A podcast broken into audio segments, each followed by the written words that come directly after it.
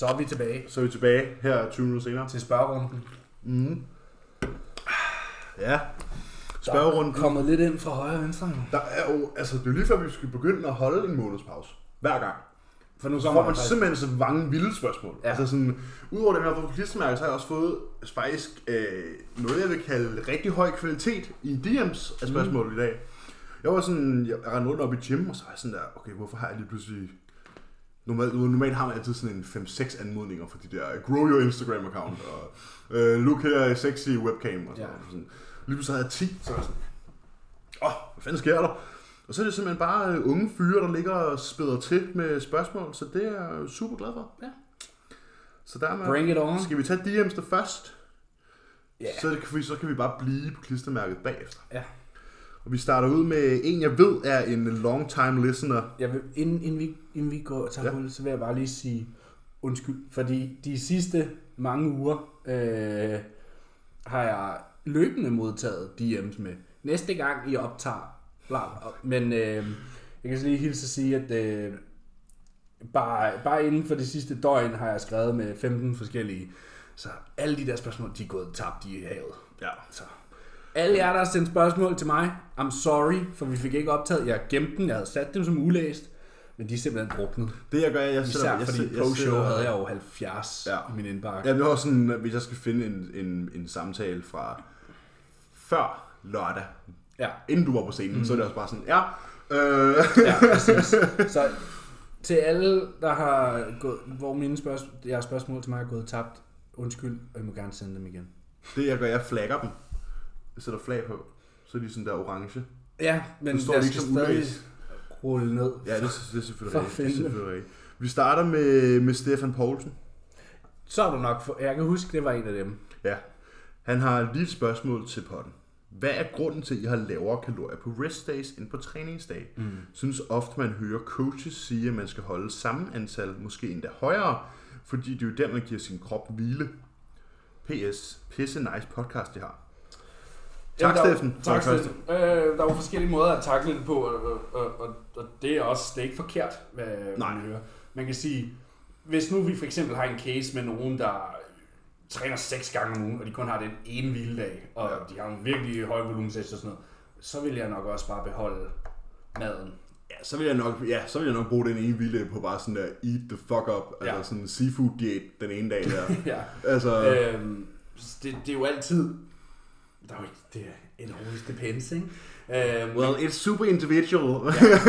Men sådan, hvorfor måden vi gør er jo, at øh, de fleste træner 4-5 gange om ugen. mm. Volumen er sammenlignet med mange andre til den lavere side. Me- medium til lav, alt efter hvor man lige er henne. Ja, Ja. Øh, og nogen kan tåle mere, og nogen kan tåle... Øh, og det bliver også op- og nedreguleret i løbet af ugerne. Øhm, men sådan, Som udgangspunkt. på papiret Ja. Har du et højere aktivitetsniveau på, På din din træningsdag. Så derfor skal du have mere mad. Jeg ser det ikke som, at du har mindre mad på din hviledag. Jeg ser det Du som, har bare mere mad på de din dage, hvor du laver noget. Præcis. Ja. Øhm, og så har vi jo typisk også en lidt anderledes makrofordeling mm. med, at kulhydraterne vil være højere på træningsdagen, da vi også bruger kulhydrater, da vi træner, Og så- plus vi opregulerer GLT-4. Ja. Og så vil fedtet være højere på hviledage, fordi det er der, man ligesom kan, hvad kan man sige, Altså for at kaloriebalancen ikke bliver alt for skæv Ja, mellem de to dage, så for det højere på træningsdag har man det lidt lavere fedt, og så Mm. omvendt på hviledage. Ikke? Jo, for ligesom at, hvad kan man sige, på hviledagen er sådan make up for it, så få noget mere fedt og nogle flere kulhydrater på hviledagene, Ja. end du gør på træningsdagene. Ja. Fordi i træningsdagen, der vil vi gerne prioritere det, der hjælper os i centret, mm. både før, under og efter, og det er kulhydrater. ja. Så, så derfor er det som udgangspunkt, derfor du har mest mad på din træningsdag. Ja, men jeg ser det ikke som, for eksempel hvis jeg øh, starter en øh, ny klient op, mm. og, og vi, skal, vi skal skubbe op, så sætter jeg som regel hviledagen ud fra et, hvad kan man sige, hvad jeg vil tro er Et vedligeholdelse, Ja. eller et lille overskud, og så er Mm. træningsdagene det større overskud. Ja. Det er ikke fordi, at hviledagene er lave. Mm. Det er jo typisk, Det er mere bare afhængigt af hvor stor klienten er, så er det jo nok mellem 2 og 500 kalorier forskel. Mm. Ja, det er jo mere bare, hviledagen er faktisk bare sådan medium. Ja, Og så er træningsdagen, hvad kan man sige, ikke oversaturated, men i hvert fald ekstra. ja for du har et højere aktivitetsniveau. Ja, præcis. Ja. Øhm, så Og nu hvor jeg for eksempel har øh, klienter i prep, øh, så kan vi også, hvis vi starter med at implementere cardio på hviledagene, ja. så vil jeg nok næste gang lave en madreduktion også kun trække fra træningsdagene, fordi at vi har også den aktivitet inde på hvile. Altså, mm. Der er jo altid mange varianter. Der er forskellige værktøjer at trække på. Plus, at ligesom du sagde lige før med cardio på hviledage, og i og med, at maden er lavere på hviledagene, vil det være hvad kan man sige, en smart måde at lave et større net deficit på, mm. ved ligesom at sige, okay, hviledagen, der skal du ikke træne, du får mindre mad, så der kan vi lige så godt bare sådan lige hamre lidt ekstra igennem og skabe et større underskud, ja. og så på de dage, du skal træne, der kan vi, hvis du træner tidligt, der kan vi få backloadet dig med carbs, så vi kan sørge for, at du har det nice, og dine reaktionsmuligheder er så gode som muligt. Når det bliver hviledag igen, så klør vi lige lidt på, og så fylder vi lige lidt op igen. Mm. Ja. Så det er jo alt efter, jeg ved godt, at Luke Sando og Fuart og alle de der, de har altid været fan af, ja, at spise mere på hviledagene, eller have cheat meals på hviledagene. Øhm, men det er bare, hvad man er til. Altså, og det er jo også fordi, de typisk har trænet 6 dage streg. Ja, og så har... Og meget høj volumen, og ja. fuldstændig knippet den dag der. Øhm, og ja, for eksempel også her i, i, med mange af dem, jeg har i prep nu, så kører vi jo typisk også refeeds. Øh, typisk to dage i gang, og det ene er altid en hviledag også, mm. for at få fyldt op. Mm. Så det vil typisk være ja, en bendag, og så hviledagen efter. Ja, det er sgu egentlig lidt forskelligt. For de fleste prøver jeg bare at holde det sådan, så det...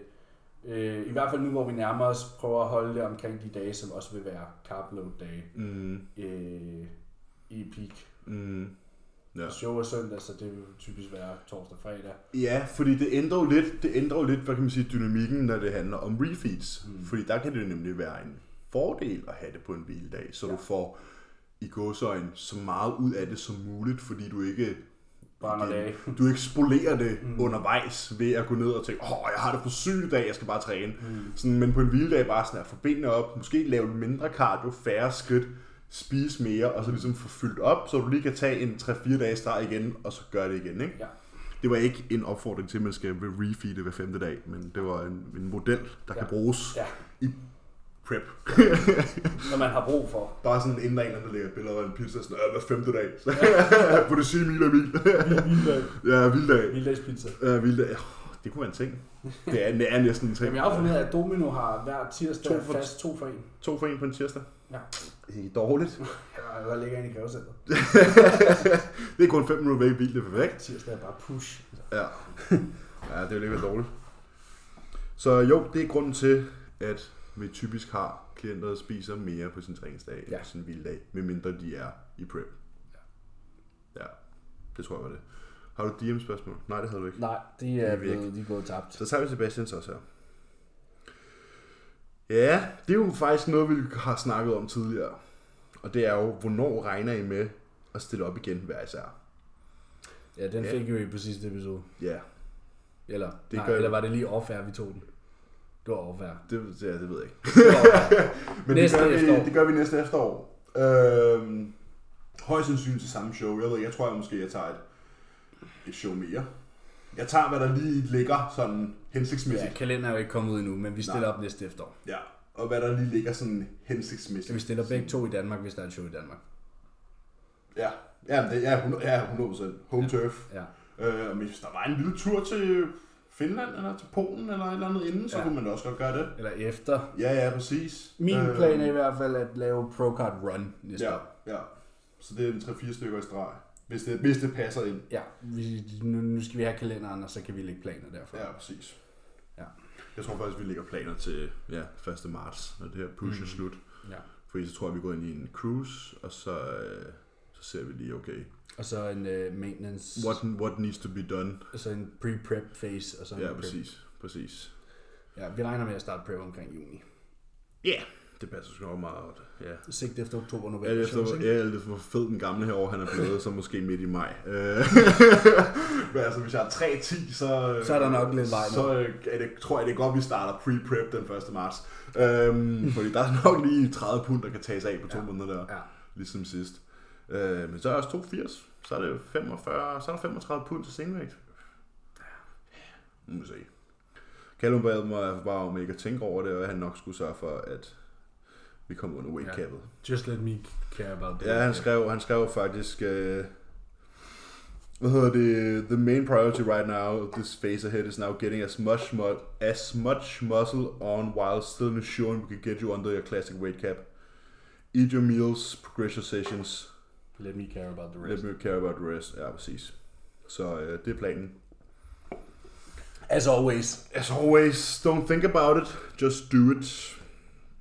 Så Sebastian, det er svaret næste år til efteråret. Vi regner med, at I alle sammen kommer med pongponger og øh, Og faner. Står og hæpper. Og, ja. i jeres Instagram trænings t-shirts, som også kommer ud i løbet af næste år. Måske en gang efter jul. ja. En gang efter jul, måske, der når der er, der er tid til det. Så, men så, så synes jeg også, så skal vi også investere i den. Altså sådan, så skal det være sådan, mm. så skal det være sådan der legit. Så skal vi Ja, lægge det sådan anderledes end en, en, en til 15.000 eller sådan noget Ja, minimum. det bliver anderledes end sidst. Ja. Og den sidste DM, det er faktisk et rigtig, rigtig godt spørgsmål, som kan lede op til en hel masse sidespor. Og en rigtig god snak her fra øh, Nikolaj Øksenholt, også en af vores longtime listeners. Øh, Det er første gang, jeg stiller spørgsmål på podden, kan jeg se. Det kan man jo så overveje. Øh, Dagens spørgsmål til podden, Så var det også godt et. så var det også på tide, kan man sige. Simpelthen, det var et godt et. Det er godt et, ja ja. Øh, da, det, da det er lidt for langt. Øh, hvornår er man klar til at stille op første gang? Og hvilke overvejelser bør man gøre sig som førstegangsatlet, både psykisk, men også fysisk? Okay. Så, Ja, det er, jo, det er jo noget af et spørgsmål. okay, så jeg har en holdning, øhm, som jeg presser på langt de fleste af mine unge gutter, øhm, fordi, og den er, at man skal på scenen tidligt. Mm. Øhm, Get your feet wet, my friend. Fordi, og nu kommer jeg med en længere snak. Øhm, jeg har mange... Intet, øh, intet har ændret sig. nej, men jeg har mange, jeg, har, jeg har mange unge gutter, du ved, der siger, at øh, åh, jeg vil have en karriere inden for bodybuilding, og bla bla bla bla. bla. Øh, men jeg vil først stille op, når jeg ved, at jeg kan vinde. Okay, der er flere sider af den sag her. For det første, bodybuilding er, der er forskel på at være hobby bodybuilder og rende rundt i off-season, og det hele er sjovt, og fun and games, Ja, hobbybilder. og faktisk øh, Være atlet. være atlet og være i prep og, og, og, og stille op. Ja. Du kan bruge de næste 10 år på at bygge din fantastiske fysik, du kan komme på scenen med, for så at finde ud af, at scenen er overhovedet ikke noget for dig. Ja. Så har du spildt 10 år i dit liv, Ja. basically. Øhm, så derfor er jeg fortaler for at komme på scenen tidligt, for at finde ud af, at den side af sporten også noget for mig. Ja. Fordi det er ikke for alle. Det er fucking hårdt, og det er ikke alle, der kan klare det. Langt fra. Det er også det, vi har snakket om så mange gange, det der med sådan der. Alle kan klare den indtil fire uger ude. Mm. Alle, alle, kan, alle kan følge planen. Mm. Alle kan være fucking superstar. Alle kan gøre alt det, der skal til, indtil de fire uger ude. Og tingene begynder at spidse til. Og tingene begynder at være ikke bare spidse, men Meget spidse. fucking nederen. Øhm, så der er den side af sagen, at du siger, at jeg vil vente til scenen, med og du går i så mange år for så at finde ud af, at det var faktisk ikke noget for dig. ja. Hellere finde ud af, det tidligt, og så hvad, hvad, hvad andre ting kan jeg finde på at lave i mit liv. Mm. Hvis det, og så kan du blive ved med at være hobby bodybuilder. Ja, ja. Men så har du i hvert fald fundet ud af, at scenen ikke var noget for dig, og ja. Det behøver du ikke jagte mere. Øhm, og så er der det her med at sige, at jeg vil først stille op, når jeg ved at kvinde. Prøv at høre her. Du ved aldrig. Bodybuilding er en sport, hvor der møder flere hundrede mennesker op, og der er en, der løber med sejren. Og det er fire eller fem individuelle, subjektive mennesker, der bedømmer dig. Ja. Så medmindre du har øh, dommer i lommen, så ved du egentlig ikke, om du vinder. Fordi du ved ikke, hvem der møder op. Nej. Du ved ikke, hvordan du ser ud på dagen. Du ved ikke, hvad dine naver gør ved dig, mens du ligger ude backstage. Og du ved ikke, hvad de gerne vil se. Nej. Så du kan være den mest peeled, men så kan det være, at du er flad. Og så er der en, der er måske lidt blødere end dig, men er fyldt, som vinder. Ja. Fordi det var det, de gerne vil have. Så jeg siger i hvert fald til, til alle de unge gutter, og det er primært gutter, jeg siger til. Alle de gutter, jeg siger, guys, kom på scenen tidligt, og I skal ikke gå noget som helst op i jeres placering. Mm. I skal være procesorienteret. I skal ikke være resultatorienteret. Øhm, og så stiller jeg jo selvfølgelig heller ikke i pro-qualifieren. Øh, altså, tag juniorklassen. Det, det handler om, det er at få den erfaring og prøve at se, er det her scene noget, noget for mig? Kan jeg klare de sidste fire uger? Mm, Kan men, jeg? også, men også, at der, der er nogen, der synes, det er noget fisk, det her med spraytan og Ja, ja. scenen. Og, ja. Altså, det, individuelle rutiner og Ja. rah, rah, rah. Jamen det var faktisk, ja, fordi for det er, jo det, det er jo den del, der faktisk er selve sporten. det er det, der er scenen. Ja, Det er den der 10 minutters Det er det, der er du får lov til at lave søndag eftermiddag. præcis. Øhm, det var faktisk meget sjovt, for jeg hørte uh, Ivan Santopani og Furet lavede den der Onkel Vitos Arnold Predictions forleden dag, Mm-hmm. hvor de snakkede om det der, hvor sådan Ivan Santopani han var sådan der, altså, jeg har jo aldrig været vild med at stå på scenen. Sådan der. Fordi han kan ikke finde noget at posere. Mm. Han synes egentlig ikke, det er særlig sjovt, men det er også fordi, Ivan er jo sådan en mandemand.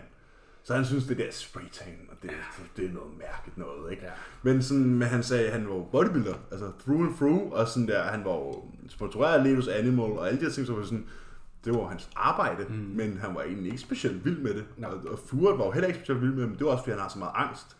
Mm. Altså sådan, det ved alle, der har hørt bodybuilding at han er, manden er jo Et wow. vrag, altså.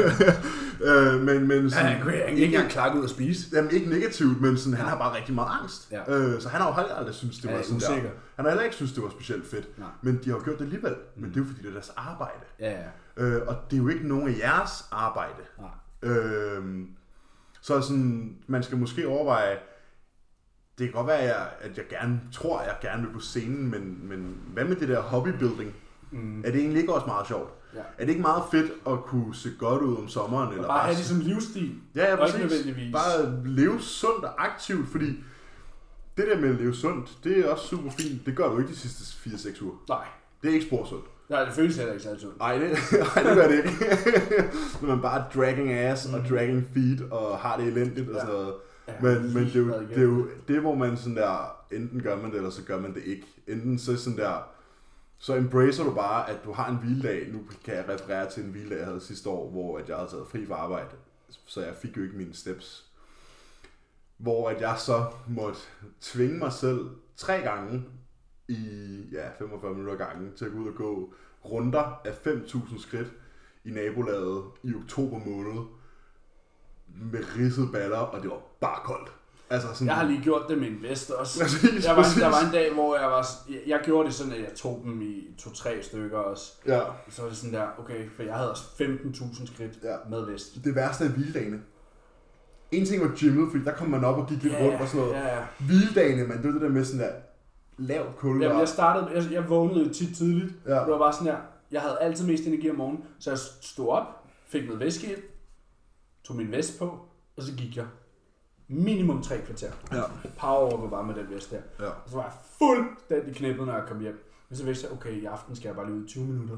Mm. Så er den der. Jamen, jeg kunne at stå op, lavede min halv times cardio, spise mine 10 æg videre, lavede en shaker, tog vinterjakken på, tog vanter på, tog hue på, tog tights på, tog joggingbukser på, tog sko på, og så gik jeg bare ud i morgensolen, gik jeg hjem, så sov jeg lige en halv time, så spiste jeg, så gjorde jeg det igen, Ja. og sådan kørte det bare sådan der.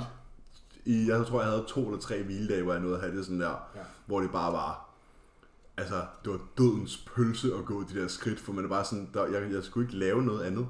Sådan Cooper havde bare sådan der, jeg havde ikke nogen carbs, jeg havde, ikke nogen, jeg havde 50 gram carbs sådan, til sidst på dagen. Det var der til sidst, hvor det virkelig bare blev Jeg gravet. huske, de eneste carbs, du fik, det var... Øh, 50 gram pasta. Ja. 30 gram carbs. Jeg fik 50 gram pasta til måltid 5. Resten af dagen var bare kylling Jeg og husker grøntsager. den ene dag, hvor du var sådan, at jeg kan bytte det for en tortilla. Og du inhalerede den bare på 10 sekunder. Jeg vum! Men sådan, jeg kan huske, jeg kan huske de der morgener der, to uger ude, hvor jeg havde fri fra arbejde, hvor jeg bare var sådan der, åh, det er noget det her. Ja, men det er jeg bedre, at det skulle arbejde. Jeg kan huske, jeg gik bare runden sådan der, mm. ned, rundt, Ja, men- fordi jeg vidste, det var 5.000 skridt, Ja. ja. og det gik jeg tre gange, og så Ja. når jeg faldt bare i søvn, når jeg kom hjem og lå bare på sofaen, og, Mm-hmm. og så gik jeg lige ud og spise kyllingstrimler og grøntsager, og så var det bare repeat. Ja. Men det skal man lige gøre op med sig selv, om det er noget, man har lyst til.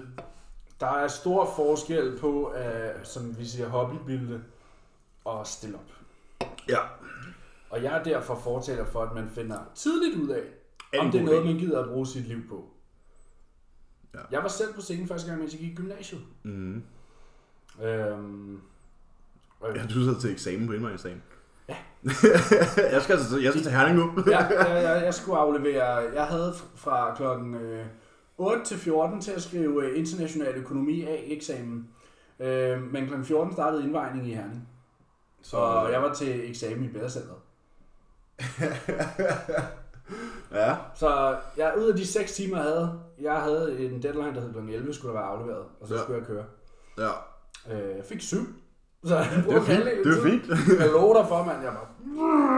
Ja, præcis. Kan jo bare være. Helt diætramt sidder man bare der og skriver eksamen. Jeg er ude at pisse hver femte minut også. Jeg skulle drikke 8 liter vand. Mm. Ja, man skal i hvert fald lige virkelig gøre det op med sig selv, om det er noget, man har lyst til. Og man synes, man skal prøve det af øh, tidligt ja. som muligt. Ja, altså, jeg er i hvert fald fortsat for. Men det er jo også, du kan også se, at i Danmark har vi jo kun hunder.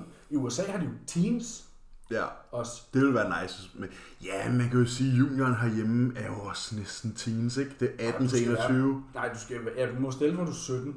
17 til 21. Men stadig sådan der, der kunne godt være teens. Ja, Altså sådan der, 17 til lad 20. folk komme op og Det, prøve- det havde DBFF da. Ikke De havde, teens. 18, de havde 18 til 21, og så havde de 21 til 23. Ej, det er først senere, det blev delt sådan op. Jamen, det var her for nylig. Det var ja. sidste gang, der var newcomers. Ja, men det Ja. blev så ikke til Men det blev så ikke holdt. Nej. Men sidste gang, det var planlagt, der skulle ja, ja, ja, newcomers. der, skulle det, der var det delt op 18 Der var det til 20. U21 og over 21, Ja. og så over 23. Ja. Hvor jeg synes, altså, ja, du, jeg ved ikke, om der vil være flere nok tilmeldte, men sådan, jeg synes generelt, at øh, selvfølgelig forstår jeg også det der med, at folk ikke gider komme ind og se et show og se folk, der ligner pis. Ja, ja. Men samtidig så er det også sådan, kig på altså sport som fodbold. Mm. Altså sådan, der er jo ikke nogen, der først øh, spiller kamp, når de spiller som Ronaldo. Nej, nej. Altså sådan, du starter også på fucking lilleput og spiller kamp mod andre lilleputter. Og, Ja, jamen, altså, det er jo, det er jo, Og så det er jo altid serie niveauinddelt. 3, 4, 5, 6, 7, 8, ikke? Det er jo altid Altså, niveauinddelt. Du er bare nødt til at prøve det, før du ved, om du ved det. Du ved ikke, om du er god til at spille fodbold, før du spiller en kamp. ja. Nej. Og dengang er det nu, når det er den her sport, er der bare kun to kampe om året. så du better, better show up. Men jeg er i hvert fald fortaler for, at man gør det tidligt. Og det skal ikke være for at vinde. Det skal være For at prøve det. for at prøve det. Og det er som se, er det det her noget for mig? Ja. Og man kan også sige, fordi så er det sådan, jeg kan, godt, jeg kan også godt forstå synspunktet med sådan der, at jeg vil gerne have the perfect physique først. Men spoiler, Det kan du finde ud af spo- spo- spoiler alert, spoiler alert, øh, du får aldrig the perfect physique. Øhm, fordi den dag du starter med at træne, er den dag du altid vil være utilfreds. Så det kan du godt glemme. Ja, og man kan sige, hvis du så finder ud af... Jeg, jeg, jeg har jo lige haft den her med så mange, også fordi der bliver snakket om at stille op næste år nu og sådan noget. Øhm, Mm. jeg siger altid til dem, du har ikke noget at miste ved at stille op tidligt. Der er to outcomes. Et, du finder ud af, at det ikke var noget for dig. Og så har du lært det. Så ved du, så spilder du i hvert fald ikke de næste fem år på at forberede dig på en bodybuilding konkurrence, for så om fem år finde ud af, at du spilder din tid. For det var ikke noget for dig. Det andet outcome er, du finder ud af, at det er noget for dig, og nu er du endnu mere blød på tanden. Uh. Altså, Ja. Så overvej det grundigt, prøv det af, kom afsted, kom i gang, kom op, ja. og så lad være, hvis du ikke kan lide det. Og så, øh, ja, bare sørg for, at man er i en god position at prep, at prep fra først. Så Ja. jeg vil kraftigt anbefale til hvem end der hører det her, tænker, okay, så vil jeg gerne stille op. Ha' en off-season med en coach, før du så starter prep med Ja. en coach. Ja. Ja. Start gerne din off-season og din prep med den samme coach. Ja. Don't jump ships. Yes. Øhm, og vær sikker på, at dit fundament og din omgangskreds og alle de her ting er i orden. Din livssituation skal være skal kunne holde til det. Sådan. Det troede jeg også min var, da jeg startede. Nå ja, men du er heller ikke førstegangsatlet. Nej, nej, nej, nej, førstegangsatlet- nej, nej, nej. Så førstegangsatlet er det meget rart at have, hvad kan man sige, en circle, ikke? Ja. Fordi man kommer til at føle sig helt færdig oven i ægget. Mm. Den første prep er altid den mærkeligste. ja. Øh, og fordi det er første gang, man prøver det her. Det er første gang, du skal være mere end bare strandklar. Ja. Fordi, spoiler alert, Og strand, strandklar kommer du til, hvis vi gør det ordentligt, så er du strandklar to måneder før show. ja, præcis, strandklar, det er 8 uger ude. Så sådan der. præcis. Så sådan, så Og det er der, man er sådan, nu er det nice. nu begynder det. Ja, nu er det, nu er det sådan, nu bliver det sjovt. Ja. ja. Sådan. Jeg startede prep 21 uger ude, Ja. og sådan, da vi var de der 8, 9, 10 ude, der var jeg sådan, nu begynder det. Ja, Og så, kommer det. så kom det. Ja. Så øh, ja, tænk over det. Er det DM's nu? det. Jeg er færdig med DM's. Er du, når du er færdig, du har taget Der var- alle- der var du, tre Du har DM's. clearet? Tre DM's. Jeg har clearet DM's, så vi er på, vi er på klisteren nu. Nej, det var det, jeg mente. Ja, Ja, jeg mente klister nu. du kører bare. Yes. Øh, jamen, så lad os fortsætte i konkurrencesporet. Vil I stoppe med at konkurrere for 10 millioner kroner? Mm, Nej, nej. det vil jeg ikke. Fordi det her er, jeg, har, jeg er i den heldige situation, at jeg i en meget tidlig alder fandt ud af, hvad jeg ville. Mm. Jeg fa- blev forelsket i styrketræning, da jeg var 11, 12. Ja. Og øh, som 16-årig, tror jeg første gang, jeg sagde, det der med at stille op der, det, Det kunne jeg godt det, tænke mig. det kunne jeg godt tænke mig at prøve. Ja. Så var jeg på scenen første gang som 18-årig, og øh, havde en blandet oplevelse. Men det var mest fordi, jeg var vred på mig selv over, at jeg ikke havde kunne holde min diæt. Øh, og så gjorde jeg det igen året efter, og var benhård, og der blev jeg bekræftet i, det her, Det er fedt. det er fucking fedt. Ja. Øhm, og jeg er i den situation, at jeg nu er sådan 23-årig, øh, eller ja, det gjorde jeg også sidste år, der var jeg 22, øh, har en livsstil, som, og, altså min, hvad der var min hobby, er blevet min Arbejde. livsstil og mit arbejde. Mm. Altså, jeg lever af min passion. Øhm, men som vi også har snakket om tidligere på podcasten, jeg er bodybuilder selv, før Før jeg er noget ja, andet. præcis. det, det her startede for mig, fordi jeg blev forelsket i styrketræning og, og, og sporten bodybuilding. Øhm, Ja, så, så kan man jo også kigge på det materielle, ikke? For nu bliver der sagt 10 millioner kroner. 10 millioner kroner er også super, super fint beløb og sådan nogle ting. Og det, og det handler ikke egentlig ikke om at tjene penge. Fordi sådan, hvad, hvad er en pose penge, hvis du ikke må gøre det, du præcis. kan lide at lave? Præcis. Altså sådan, Hvis du tog bodybuilding, for jeg har hele tiden sagt sådan her, det værste der måske for mig, det var at komme ud fra en eller anden ulykke, som, så jeg blev handicappet og ikke kunne og, altså, og skulle Mm. stoppe bodybuilding. Mm. Sådan her, fordi det alt jeg har nu, Ja. det er min, øh, selvfølgelig har jeg, jeg har jo min familie, og man kan rejse og se verden og sådan noget stadig, men i min dagligdag, der er det både mit arbejde, min hobby, min livsstil, min passion, altså det, det, Ja, ja, præcis. så tag det fra mig, og jeg har ingenting. Præcis. Øh, og det, det, lyder, det, lyder sådan, det lyder meget fanatisk, men, men det er jo rigtigt. Det er en drøm. Altså, det, er jo, det, er jo, det, er jo sådan, det er jo det der med også sådan 10 millioner. Nå, ja ja, men hvad skal jeg overhovedet, hvad skal jeg overhovedet, øh, hvad skal jeg overhovedet bruge dem til? til? Ja. Altså sådan, du ved, det er jo, Ja, og jeg har det sådan, hvis ting går, som jeg har planlagt dem, så kommer jeg da også til over de næste, over min karriere, til at lave det. ja ja, præcis. Og så er det jo sådan, ja, og det er jo ikke engang, ikke engang fordi man selv kommer til at, at tjene det beløb, det er jo for mig, for mig personligt, er det lige meget. Mm. Øhm, fordi jeg er ikke in it for the money, så at sige. Det er en sidegevinst.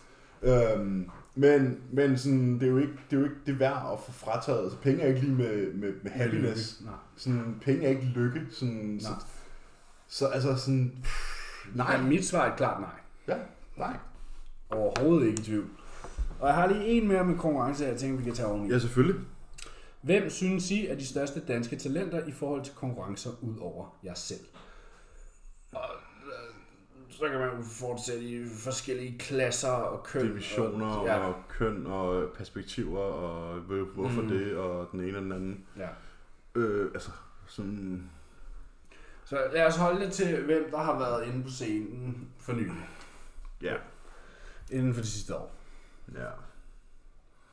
Ja, måske ikke inden for det sidste år, men også bare sådan, hvem vi ved, der skal på scenen nu her. Ja, altså jeg så ved, at øh, i vores klasse, der vil jeg sige, George. George og Tim er nogen, der virkelig har potentiale. Øh, Tim er ung. Øh, Og stor. ung og stor, ja. Øh, han skal bare blive Fortsæt. ved. Han skal Ja, bare blive fortsæt. Øh, Det er bare et spørgsmål om uh, 1MR. ja, det er, han har jo kun stillet én gang, ikke? Så meget grøn. Øh, men Mm. mm. det er jo bare om at blive ved. Mm. Han kan godt nå langt. Mm. Øh, og George, obviously. George er super dygtig. Ja. Det er de to, der lige springer til mind. Mm. Ja, i Øh, Classic. for mig, ja. Øh, og mens, øh, nu, nu, bliver der sagt talent, så det tænker jeg, det er, øh, så må man holde lidt til de unge. Fordi så, vi, vi har bagmand, altså sådan, Han har jo sådan en gammel han, rap. han er jo pro i et forbund, og, Ja, ja, præcis. Og og jagter at blive det i nummer to, ikke? jo, vi har ham op på, ja, mens vi optager det her, nu siger jeg på lørdag, den anden. Mm. Øh, men når der bliver sagt talent, det er jo et ord, man bruger om. Er det minus 25. Ja, MP-talenter. man machine. Ja, Jonas gør det, gør det ganske udmærket. Mm. Um, Der, er- der er ikke lige andre, der lige sådan der popper op, hvor jeg tænker, hold mig lige i hat og briller. Nej. Altså både Daniel Bagman og Daniel Øland er jo vanvittigt, og Ja, Michael Munk, Men, undskyld. ja, og, men ser de er jo alle tre, de rutinerede. er rutinerede gode, Det er jo gode ikke, hvad talent. Altså Nej. forstået på den måde, når du bliver spurgt, hvem synes I de største danske talenter? Hvis vi snakker om fodbold, så ville man jo ikke sige uh, Eriksen. Nej, så præcis. han er jo etableret stjerne. Ja, ja, præcis. Hvem er sådan up and coming? Ja. Fordi sådan tre dygtigste mensfysikatleter herhjemme i øjeblikket er jo klart Øland, Bagman og Munk. Ja. Altså sådan det, og der er ikke sådan, der er ikke two ways around it. Altså det, det, det er de tre. Mm. Og, og, sådan, og det tror jeg også godt, de ved, at vi synes, det er der ikke nogen hemmelighed. Øhm, talenter.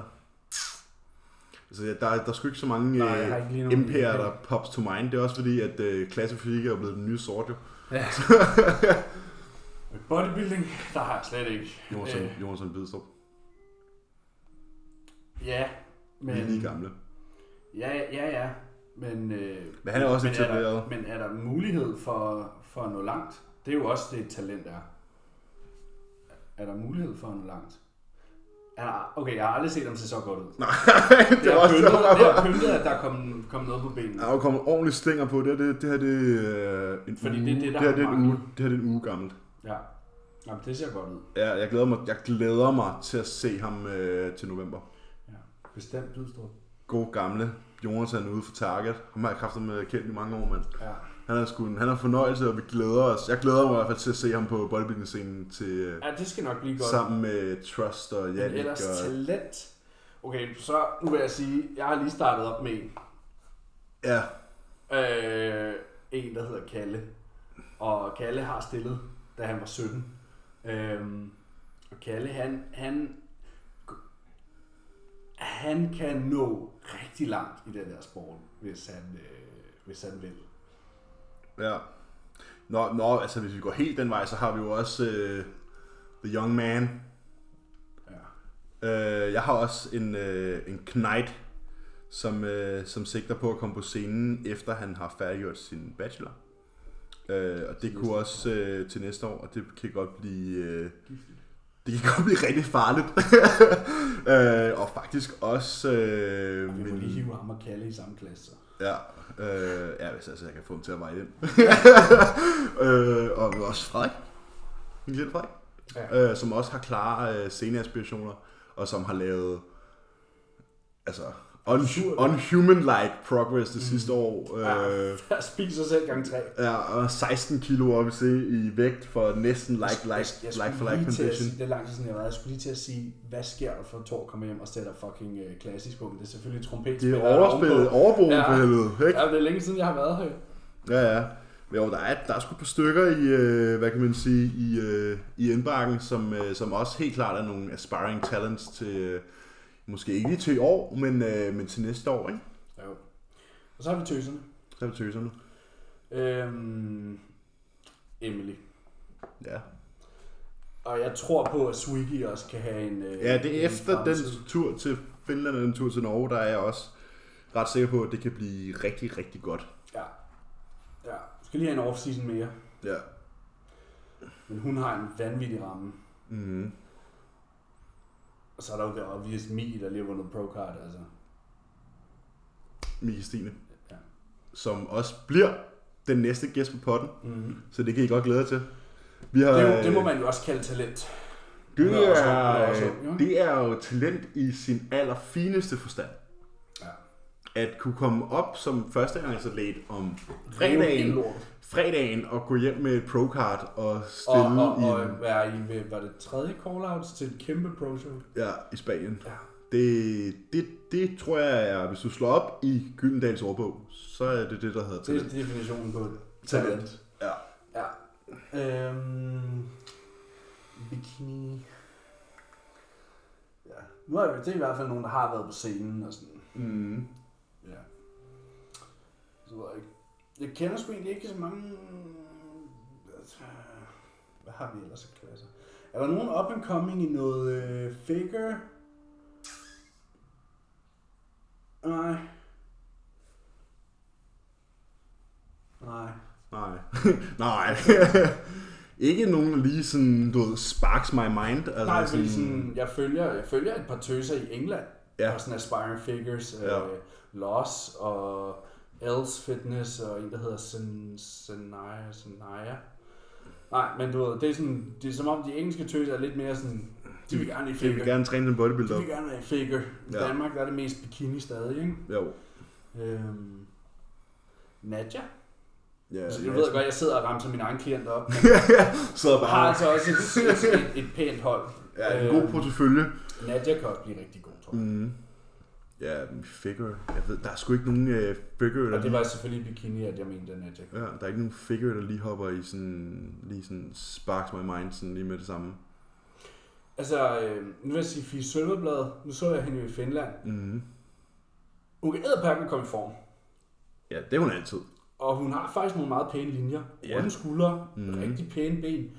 Hun skal bare, større. hun skal bare have noget størrelse på. Mm. Så tror jeg faktisk, at hun kan blive ret god. Bare større. Ja. Meget større. Ja, kan æderpakken komme i form. Mm. Der er slet ikke nogen tvivl om. Mm. Øh, og, og pæne linjer. Mm. Der Der skal bare mere... øh, Der skal spises og løftes. Ja, tungt. Ja. Og meget. Og spises. Og spises. Sovs. Og sovse. Ja. Jamen ellers så tror jeg sgu ikke, der er rigtig noget lige sådan... Nej. Hvor jeg lige tænker... Ja. Har vi et øh, næste? Ja. Det, er, det er sådan et spørgsmål, man altid bliver så dejligt populær på, for så er folk sådan, komplimenter. øhm, bop, bop, bop. Det var det med konkurrencen. Øh, hvad skal vi så tage? Skal vi tage noget med... Øh, så er to stimulansbaserede. Mhm. Øhm, er det ikke herre overvurderet at drikke monner under træning? Altså, jeg vil aldrig drikke en monster Carb. eller noget som helst, der er Carbonated. ja, kulsyre, noget med brus under min træning, fordi det sidste, jeg har lyst til, det er at skulle bøvse lige inden mine fucking Topset. sets, og øh, jeg forstår ikke, man gør det. Øhm, og sådan, du skulle gerne have haft din, altså sådan, du drikker en monster under din træning, øh, kovinen er sådan 30-45 minutter om at pike, og så har den et half-life på 6 Seks timer. timer. Øh, så sådan, du får sgu nok mere ud af din monster. Efter Inden- din, altså, jo, men den du drikker under træning, den, de benefits får du sådan der, når du er færdig. Ja. Eller sådan, Så jo, det giver absolut ikke nogen mening, hvis du spørger mig. nej, jeg vil nok bare drikke. Altså nogle gange, så har jeg endda en kold vand ved siden af min intra, Intra. bare for at have noget vand. Ja. Altså sådan, jeg skal slet ikke have noget carbonated, så går jeg bare Ja. og ræber under hele træningen. Jamen, jeg kan huske en gang i min 2018 prep, hvor jeg drak en Cola Zero under min cardio. Det var en forfærdelig oplevelse. Og man har stået der og tænkt, åh, det bliver fucking lækkert at Ja, stå op på det er Stærmasteren med det her, og det er bare forfærdeligt. Ja, så det, er for, jeg forstår det ikke. Og Nej. der er rigtig mange, der gør det. Jeg forstår Ja. det ikke. Nej. Øhm, og så har jeg et andet spørgsmål. Hvornår man får for meget koffein, Når din søvn og din når ting er påvirket? der ting er påvirket, ja. Øh, jeg, tror, jeg, jeg, jeg fik, under min prep fik jeg overdoseret på koffein en gang, og det er, når du får det dårligt. Ja. Og Ja. du kan Du mærke, kan godt gå et koffeinchok. ja, Altså hvor den sådan, heart rate er vildt eleveret, og du bare har det sådan nøjeren. Sådan, overcaffeinated. ja, Ja. Men, øh, men som udgangspunkt, så kan man jo, jeg tror studierne siger, at man kan håndtere helt op til hvad, 4-6 mg per kilo kropsvægt, uden egentlig rigtig at blive sådan sparket Ja. i hovedet af det, ikke? ja, ja, og du, øh, du opbygger også en tolerance, øh, Ja. så, så det er et meget individuelt spørgsmål, øh, Mhm. hvornår du får for meget koffein. Det vil sige, hvis du, øh, hvis din øh, hvilepuls er, og blodtryk og sådan noget stikker helt af, og du ikke kan sove om Så er det natten, nok en god idé at holde en pause. og, og, og du ved, at du indtager meget koffein, så kunne du starte der. Mm. Ja. ja. Nej, det hyggeligt, hva'? Kommer lige sådan en lille soundtrack til... to. Nå, makroplan eller kostplan, hvad kan I bedst lide, og hvorfor? Ja. Jeg har, altså det er sjovt spørgsmål, fordi jeg har jo en makroplan for Callum.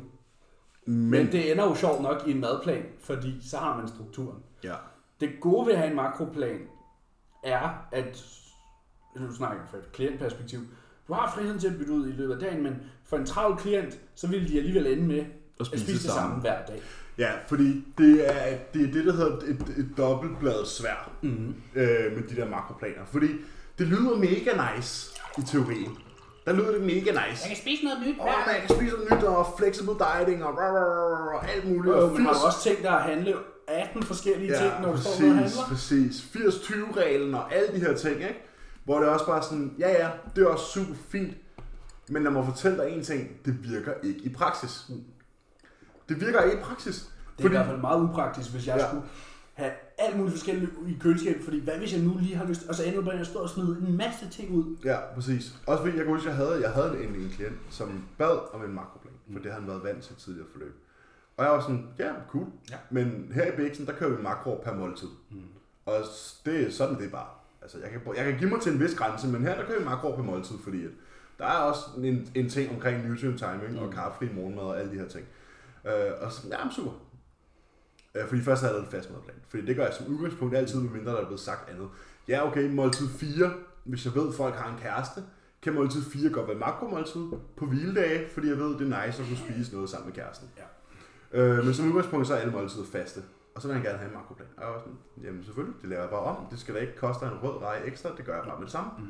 Øh, fordi det er jo skide smart, at vi laver jo madplanerne som makroer til at starte med, så man kan bare lige reverse sit Google Docs to gange, og så ja. står makroen der. Ja. Men jeg var sådan, det er super, og så skrev jeg en fødevareliste og alle de her ting.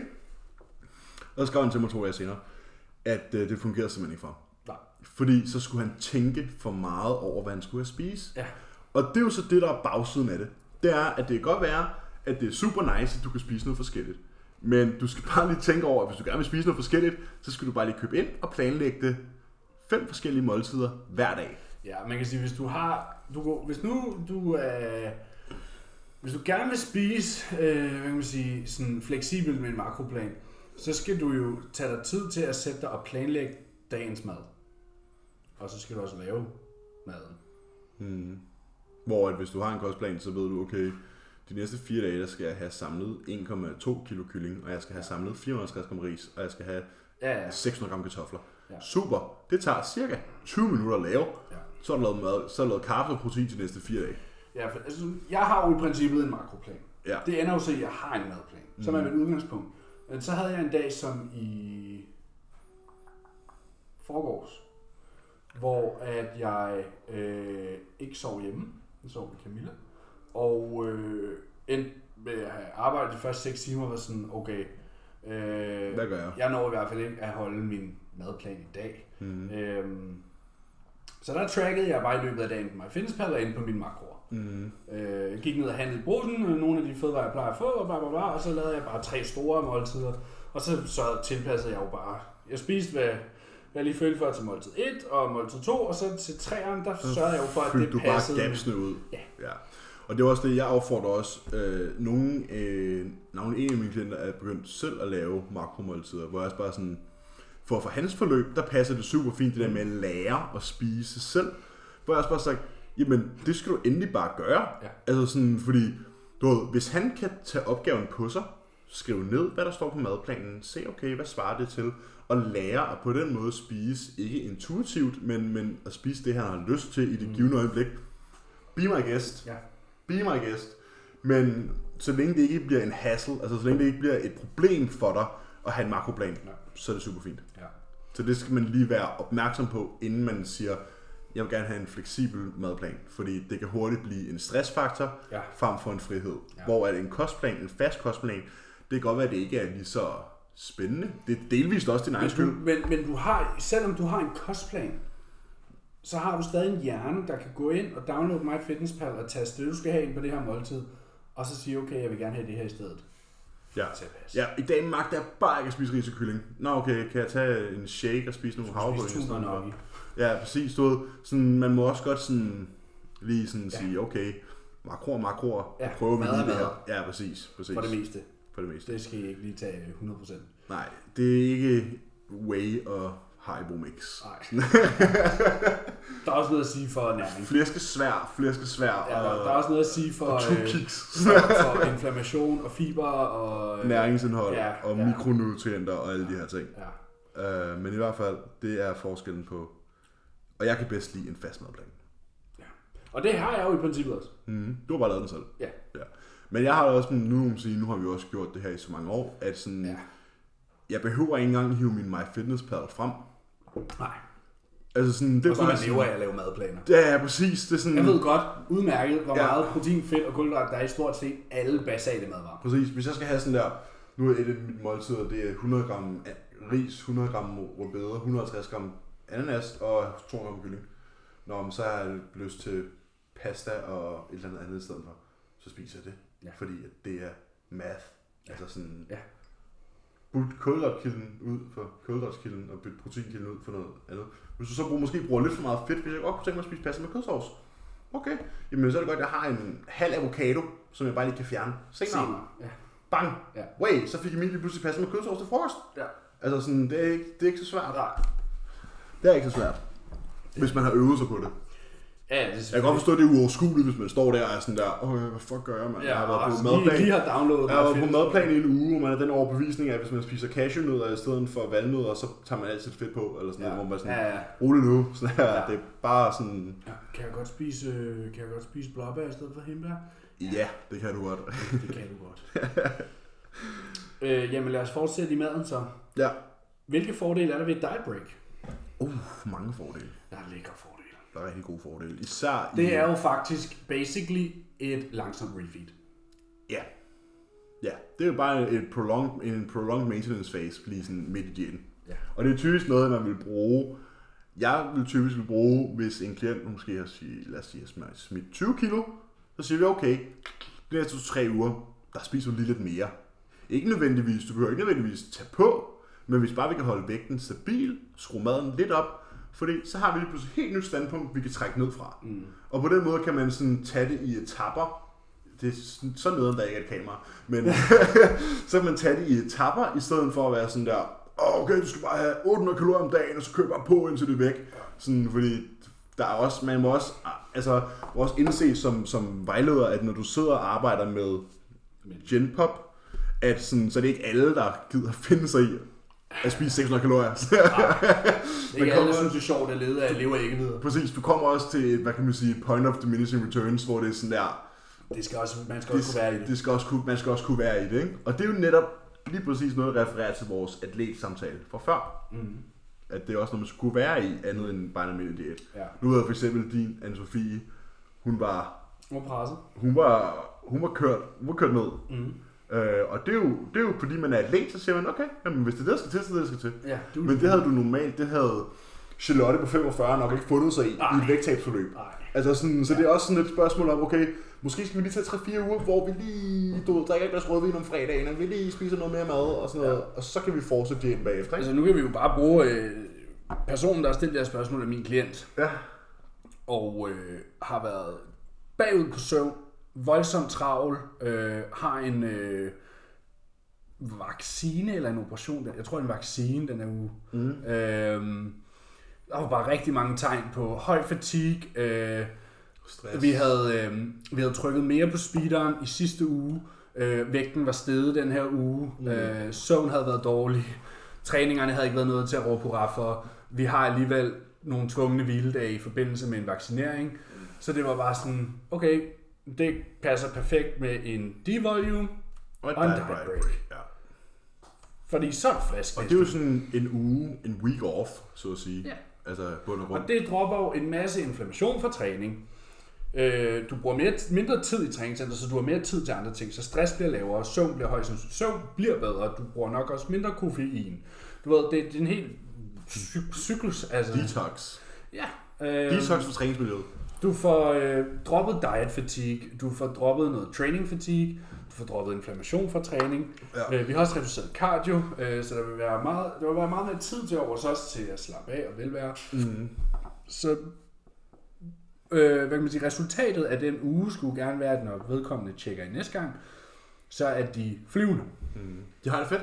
Ja. De har lyst til at træne igen. Ja. De har lyst til at være på diæt igen. De har lyst til at lave cardio igen. Ja. Alle de her ting. Præcis. Så det er formålet med et diet break.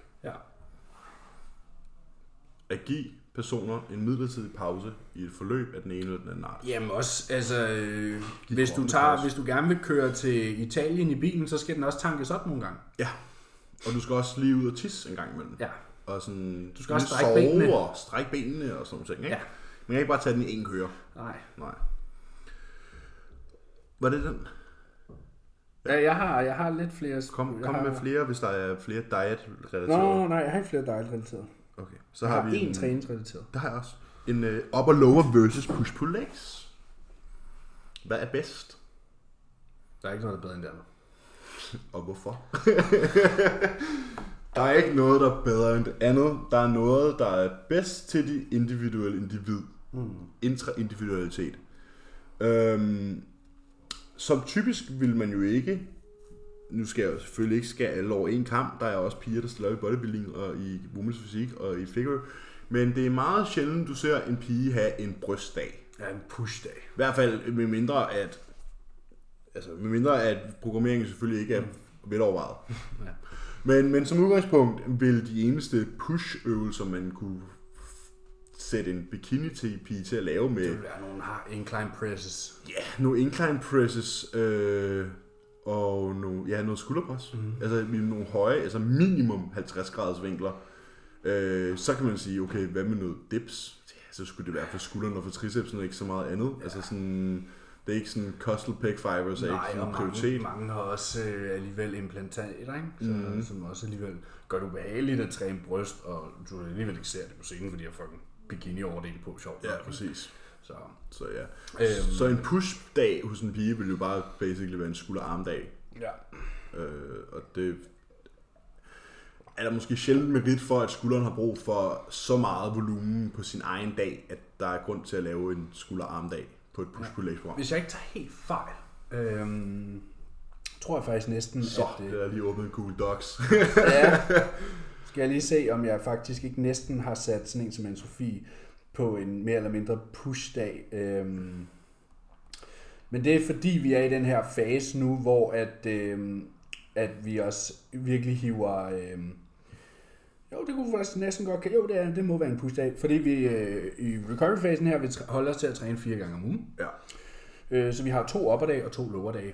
Den ene Men- Men... op dag er rygfokuseret, og den anden dag er Den ene er faktisk øh, to forskellige pres, øh, og så er det laterals for resten og læg. Ja.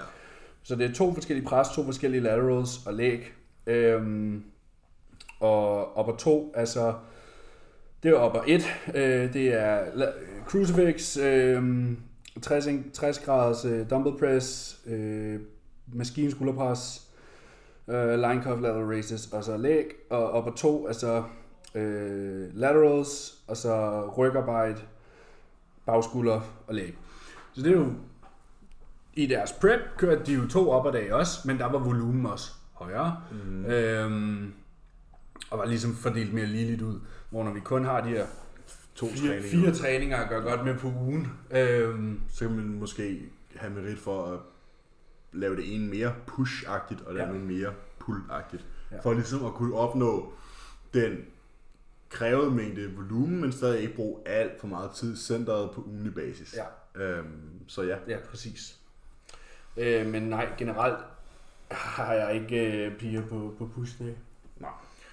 Øhm, Og de fleste fyre, altså de fleste fyre, ved jeg fra, fra på vores begge to, eller starter jo også på et upper lower split, Ja. mens man lige har den der get to, get, get, get fald. to know each other fase, ja. hvor man så siger, okay, nu er vi faktisk, nu har jeg lige aftalt med en, øh, en en klient, jeg har postet på Instagram, der hedder Emil Sur. Øh, jeg sad og tog hans check-in, øh, og han startede i slutningen, han startede 1. april, og så var jeg sådan, så tog hans check-in i lørdag, så sådan der, hvad, så, øh, hvor, hvor meget er vi egentlig oppe nu?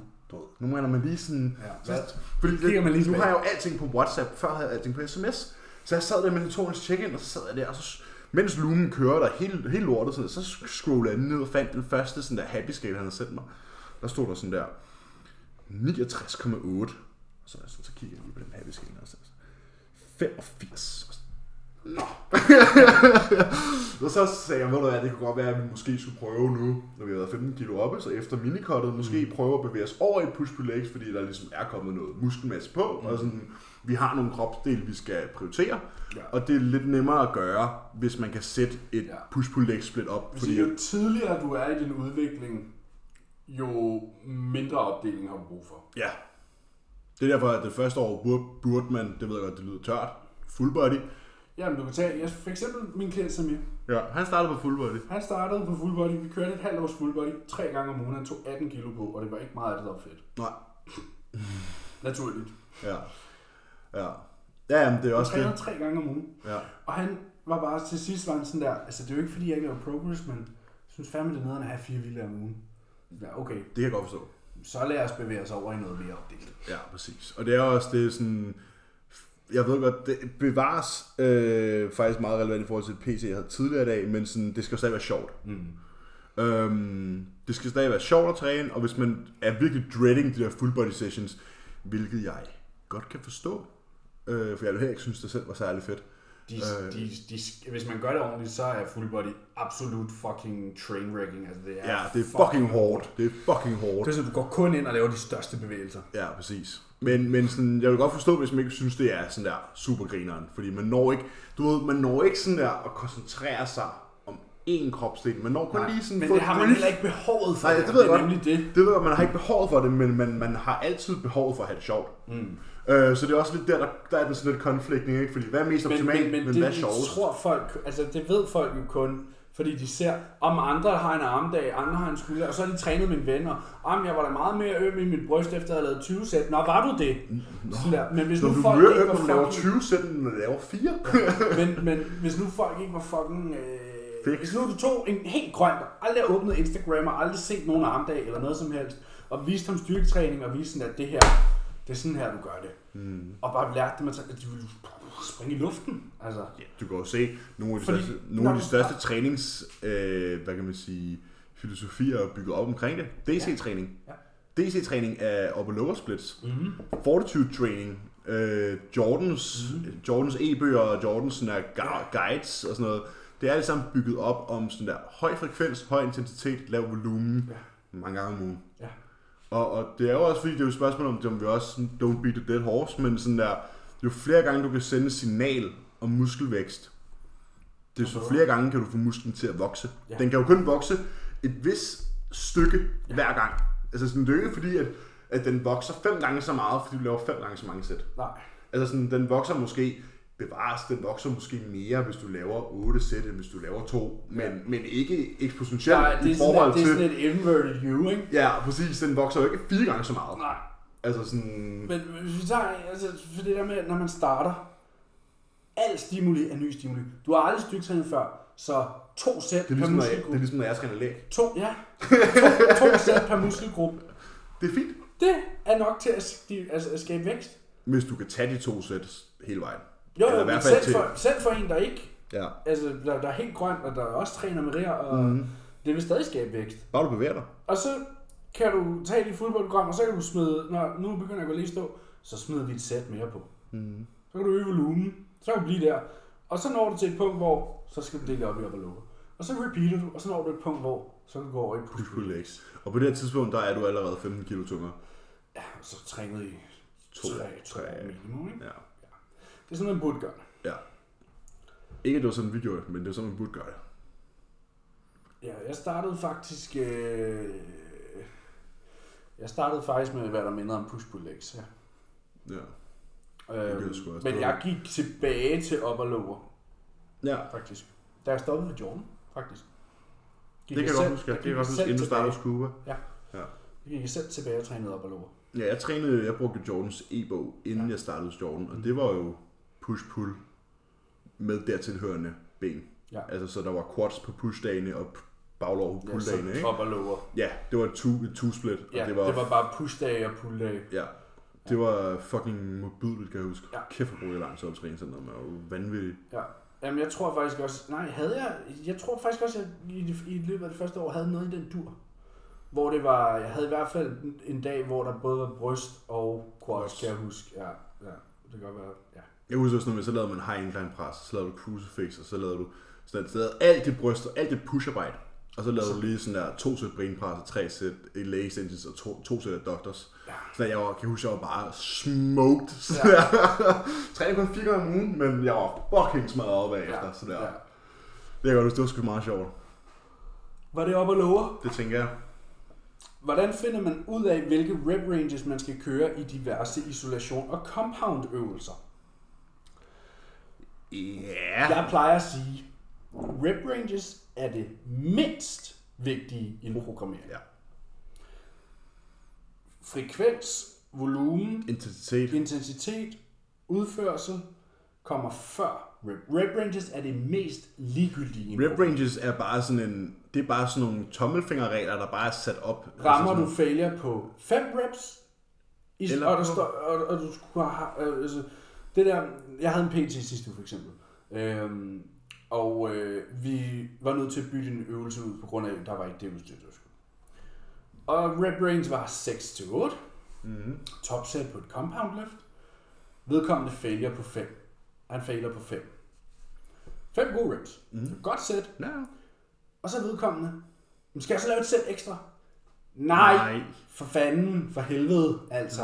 Du har lige lavet fem flotte reps. Ja. Målet var at ramme failure. Det gjorde du. Ja.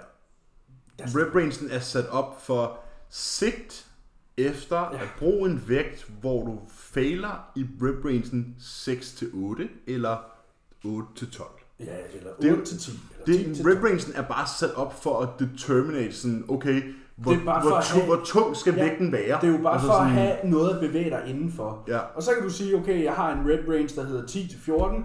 Okay, øhm, første gang jeg kørte det her, der fik jeg 11, og nu har jeg bevæget mig op mod 14. Okay, nu stiger jeg væk. Det er jo bare for, at du ligesom har et, et råderum. Mønster. bevæge- Du har et mønster. Ja, noget du, at bevæge dig indenfor. Ja, præcis. Det er fucking ligegyldigt, hvad du laver af rep ranges. Er du om fejler. Det er sådan der, bevæger du dig inden for mm, 6 til 20, 25, mm, så gør du det nok meget godt. 30.